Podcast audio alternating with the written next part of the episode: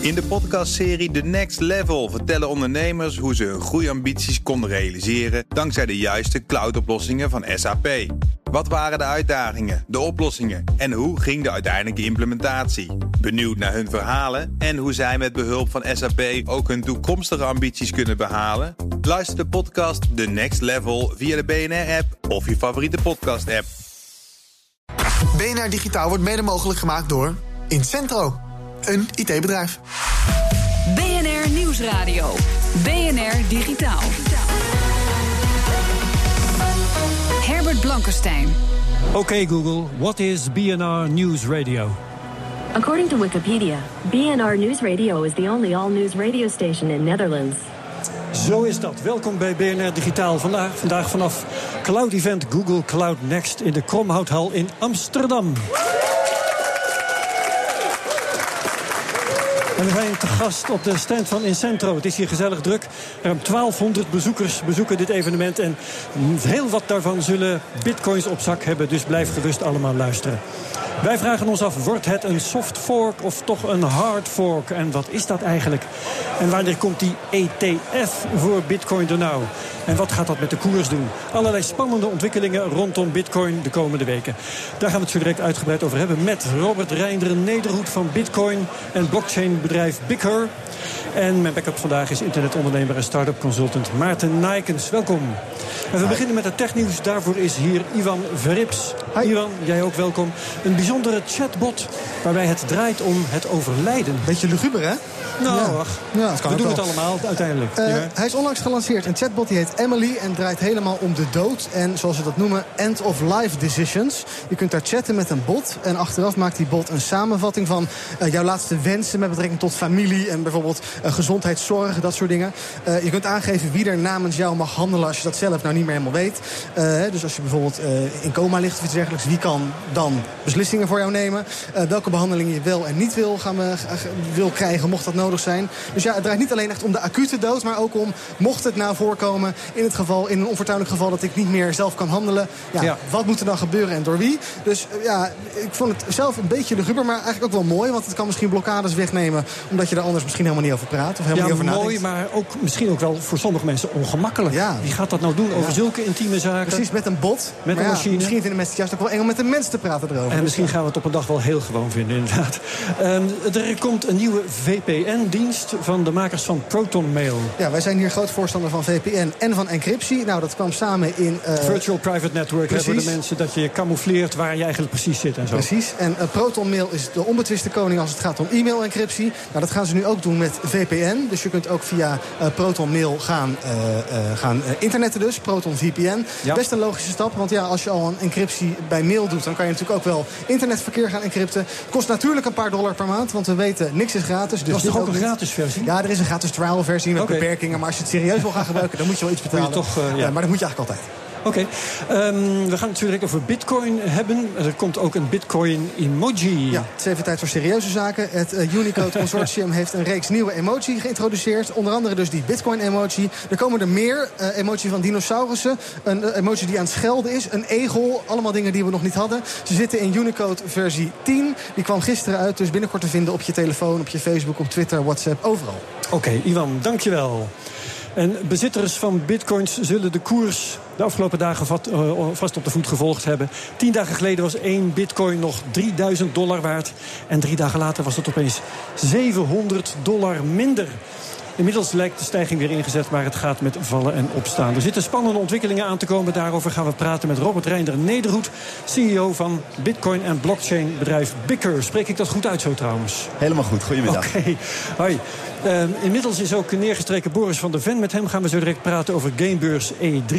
Maar hij is tevens een groot crypto-enthousiasteling. Niet waar, Boris? Absoluut. Ik ben Hij blij net ben. binnen. Ja. Oké, Nou, Robert Reinder, om te beginnen. Hè. Op 1 augustus hangt er een datum boven de markt. Dat zal eh, gaan om een splitsing van de bitcoin. Dat heet een soft fork. Kun je uitleggen wat dat is? Jazeker, ja, je moet het weten, bitcoin is van niemand en van iedereen. Dus op het moment dat die boekhouding eh, verbeterd moet worden... dan moet eigenlijk iedereen het eens zijn over de software... die geïntroduceerd wordt met die verbetering. Dus een democratisch proces. Democratisch eigenlijk. proces, heel zuiver. Meeste stemmen gelden. Ja, en dus al drie jaar lang wordt er ja, worden voorstellen ingediend om die boekhouding dus groter te maken. Omdat er onwijs veel eh, transacties zijn die niet meer passen. Uh, het gaat allemaal te langzaam hè? en het wordt te duur. Uh, ja, precies. Dus als je een transactie snel verwerkt wil hebben... moet je tegenwoordig al een euro erop zetten. Nou, dat is een dienst wel handig voor betaalmiddel. Dus dat duurde dan pinnen, zeg maar. Ja.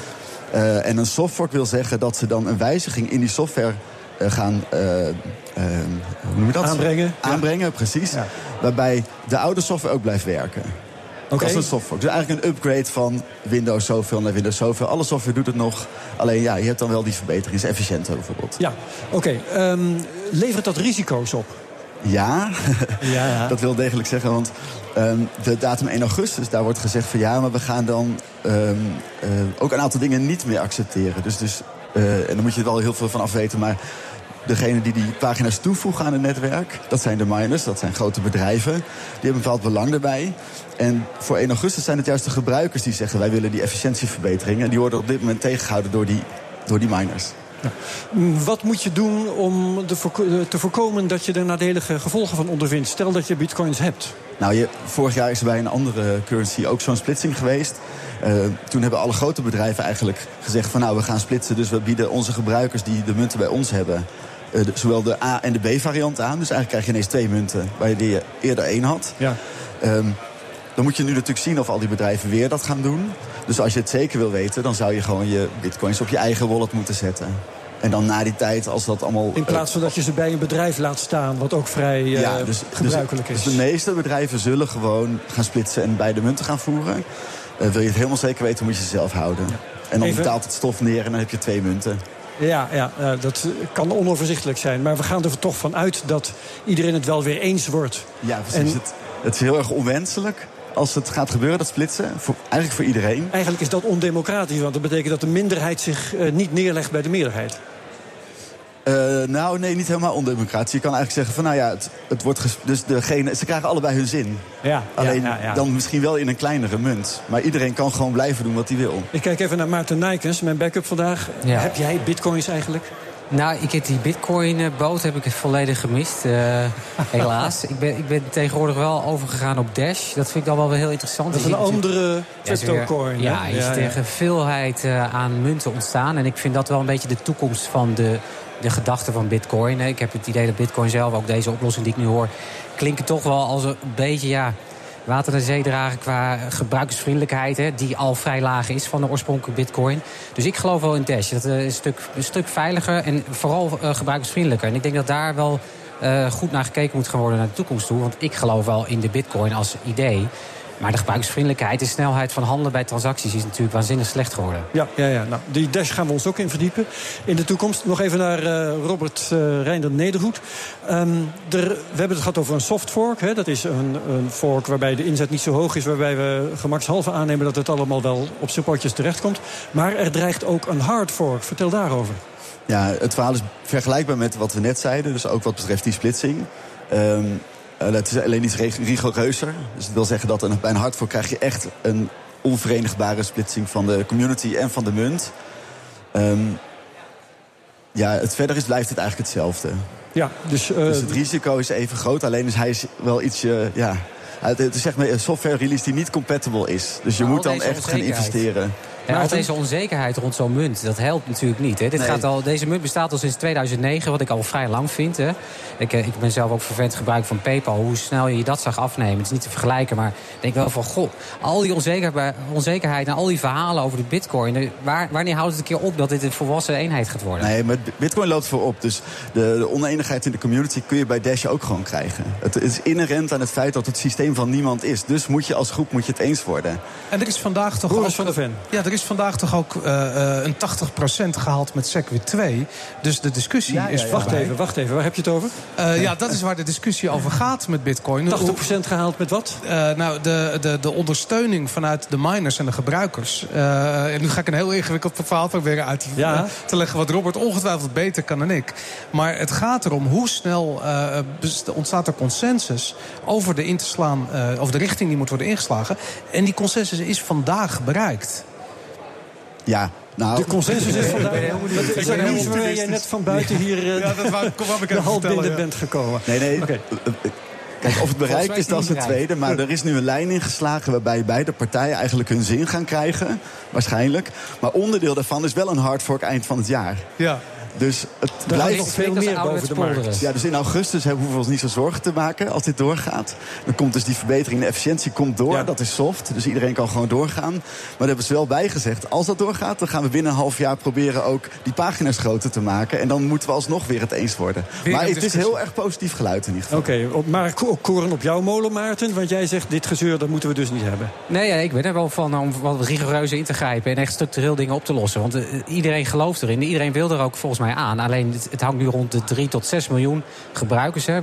Eh, zo las ik laatst in onderzoek. Ik denk, jeetje, dat na al die jaren. En, eh, ik, ik denk, het, tuurlijk staat het wel eens in de kinderschoenen... maar toch, hè, het, het is al een x-aantal jaar onderweg. Ja, maar Maarten roept nu eigenlijk om een centrale bank. Eh, Robert Reijnen, Ja. die is er Nou, niet, hè, bij nou, Bitcoin. nou, nou. Die is er niet. Dat zeg ik absoluut niet. Maar Oh. ik, ik denk wel wat, wat, meer- ja, wat, wat meer consensus zou prettig zijn. En volgens mij is het al vanaf de dag van de oprichting... is er toch al best wel veel eh, list en bedrog... eh, wat een beetje vastplakt aan die bitcoin. En dat helpt niet Ja, echt. nee, daar ben ik We het helemaal niet mee eens. Nee, dat kan wel zijn, maar we gaan het hierbij laten. We discussiëren ongetwijfeld bij een volgende gelegenheid verder over bitcoin en andere altcoins. Bedankt Robert Reinder Nederhoed van eh. Bikker. En eh, met Maarten uh, Nijkens gaan we gewoon verder. Het nieuwste vlaggenschip van Microsoft laat zien dat je zelf je laptop niet meer kunt repareren. Dat dat nu echt verleden tijd is. En hoe dat zit, dat hoor je zo.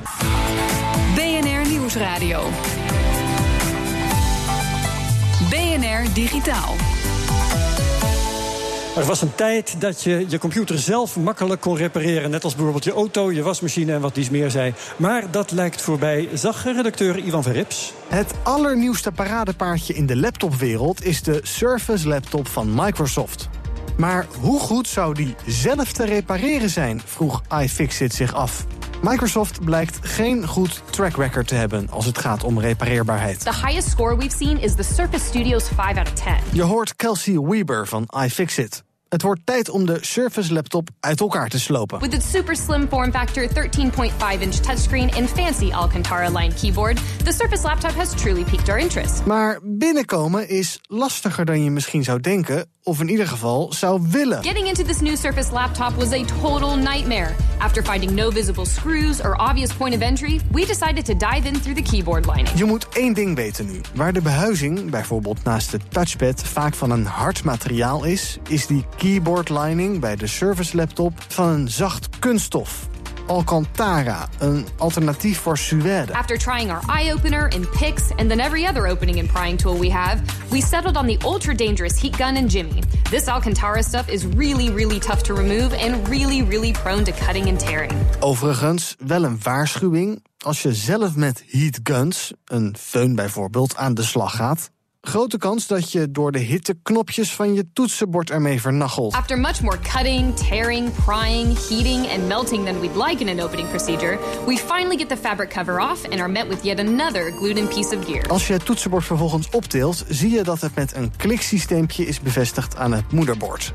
Niet ideaal. We've seen this on other Surface devices in the past, but it doesn't make the arduous process of removing all the shields any less annoying.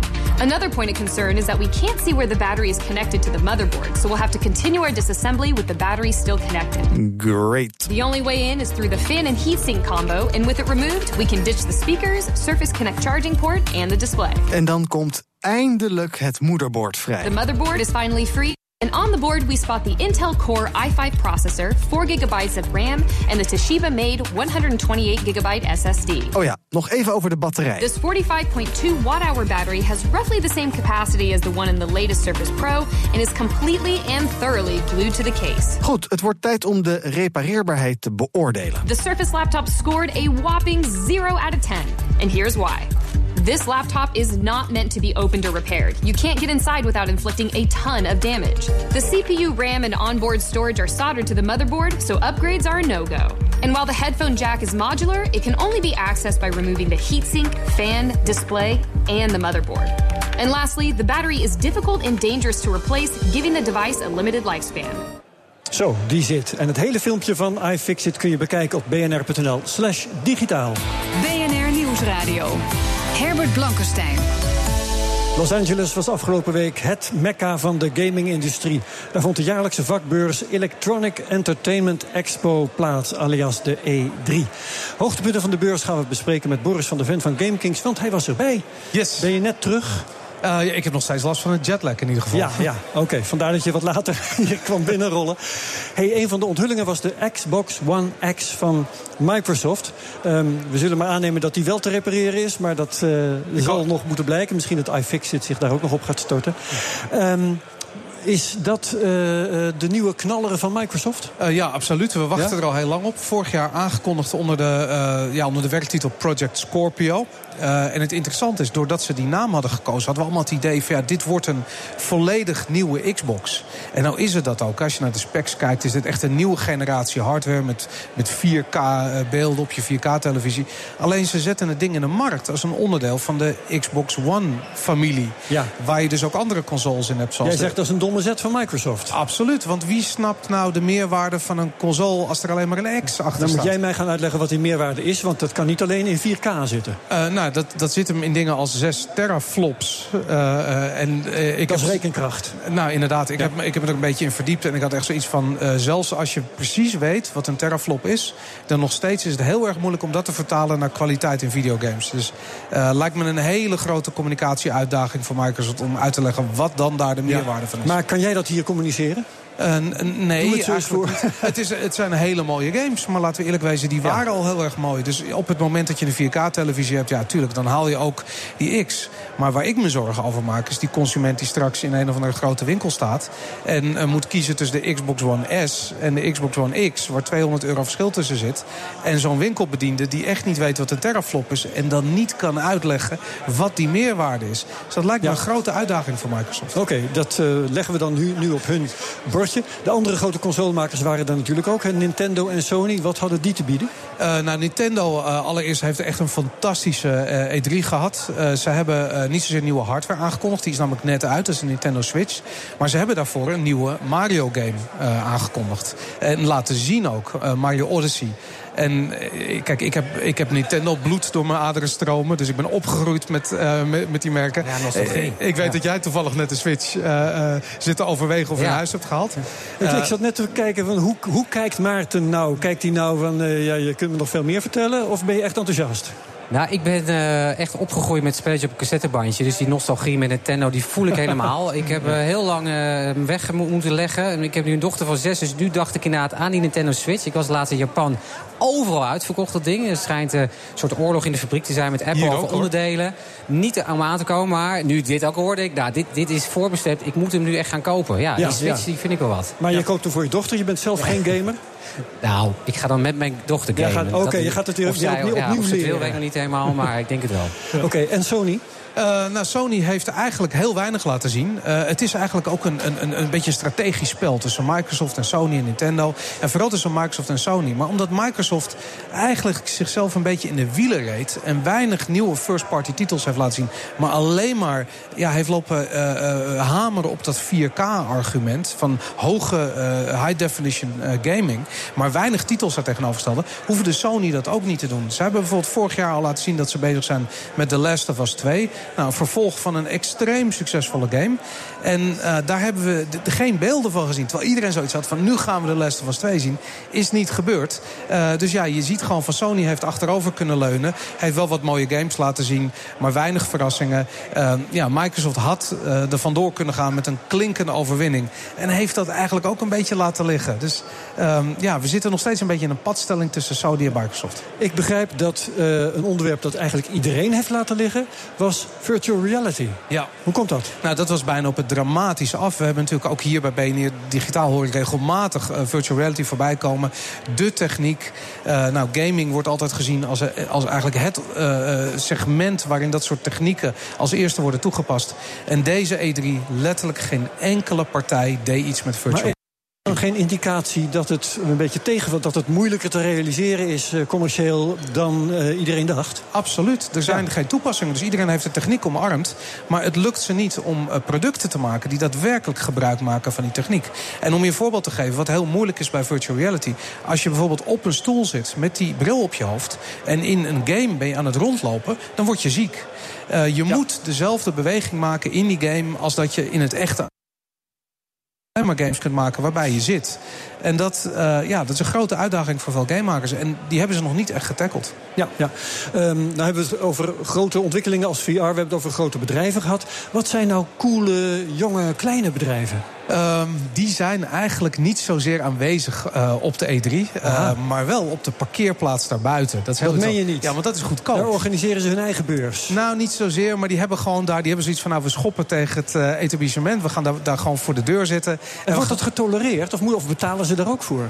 Ze betalen voor de huur van de parkeerplaats. Maar ze hebben achter de schermen gaat er een enorme strijd los... met de gemeente van Los Angeles en, oh, en de organisatoren van de beurs. maar dat was onder andere een Nederlandse uitgever. Heel interessant. Een nieuwe partij, Gambitious heten ze. En die hebben daar een paar titels laten zien... waar onder andere mijn favoriet van de show tussen zat. Een game die heet Redeemer. Die wordt in Moskou gemaakt. En gewoon door een Nederlandse partij uitgegeven. Superleuk. Hoe, hoe, doen ze dat dan? Uh, zetten ze een grote auto neer, achterklep open, dat idee? Zo'n camper. TV erin? Ja, een ja? camper met een airconditioning, letterlijk. En, en welke producten zie je daar dan? Uh, nou, dat, het zijn er wat kleinere games. Het zijn niet ja. de games die voor 100 miljoen gemaakt worden... en voor nog eens 100 miljoen de markt worden gezet. Maar gewoon kleine producten die wel een hoge, uh, kwalitatief gezien een hoge waarde hebben. Maar Steam of... Uh... veel PC, maar ook wel steeds meer consoles. Dus inderdaad, ja, Steam is heel belangrijk. maar en is er dan een leuke kleine die je kunt aanbevelen? Een leuke kleine game? Nou, dan absoluut Redeemer van Gambitious. Dat was Redeemer. een, het gaat ja. over een, een, een monnik die sneakers draagt... en extreem gewelddadig is. Nou, voor de rest... Klinkt goed. Oké. Dankjewel, Boris van der Ven van Game Kings. Dankjewel ook Maarten Nijkes, die mijn backup was. Tot zover BNR Digitaal voor nu. En in de podcast De Technoloog praten we deze week verder over bitcoin en andere cryptocoins. En trouwens ook een beetje over de E3. Deze uitzending terugluisteren, dat kan ook. Via de BNR-app, bnr.nl slash digitaal. En ook via de podcast en via Spotify. Heel hartelijk dank en graag tot volgende week. In de podcastserie The Next Level vertellen ondernemers hoe ze hun groeiambities konden realiseren dankzij de juiste cloudoplossingen van SAP. Wat waren de uitdagingen, de oplossingen en hoe ging de uiteindelijke implementatie? Benieuwd naar hun verhalen en hoe zij met behulp van SAP ook hun toekomstige ambities kunnen behalen? Luister de podcast The Next Level via de BNR-app of je favoriete podcast-app.